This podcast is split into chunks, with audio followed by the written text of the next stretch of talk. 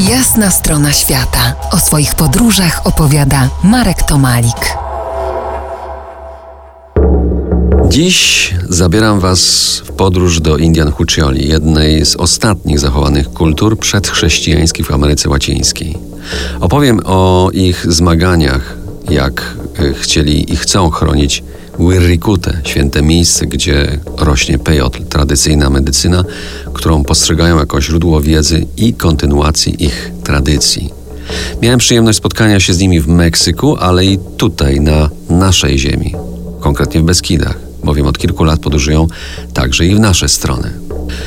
Wirraritari, bo tak się nazywają, są jedną z najlepiej zachowanych rdzennych kultur na świecie. Od tysięcy lat żyją w środkowym Meksyku, w górach Sierra Madre Occidental, na terenach niedostępnych i surowych i nadal pozostają odporni na wpływy z zewnątrz. Co ich wyróżnia? Są przykładem nierozerwalnego związku człowieka z przyrodą. Podstawą ich tożsamości i kosmogonii od tysięcy lat jest coroczna pielgrzymka do świętych miejsc na pustyni. Wyruszają na nią właśnie teraz, gdzieś między grudniem a marcem. Podążają śladem przodków, świadków pierwszego wschodu słońca. To tam, według Wirraritari, narodził się świat.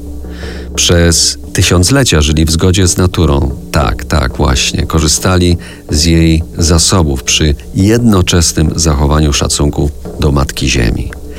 Wirraritari w czasie tej świętej pielgrzymki zbierają pejotl, świętą roślinę stanowiącą pokarm i lekarstwo, a także źródło wiedzy. To ich istota tożsamości, tożsamości niezwykle silnej, bowiem przetrwała ona konkwistę oraz wymieszanie się meksykańskiego społeczeństwa. Czy nadal są niezagrożeni, czy przetrwają, na te pytania spróbuję odpowiedzieć niebawem, ale najpierw, za trochę więcej niż kwadrans, sięgnę po baśnie, w naszym rozumieniu po mitologię Indian Wirraritari. To jest jasna strona świata w RMF Classic.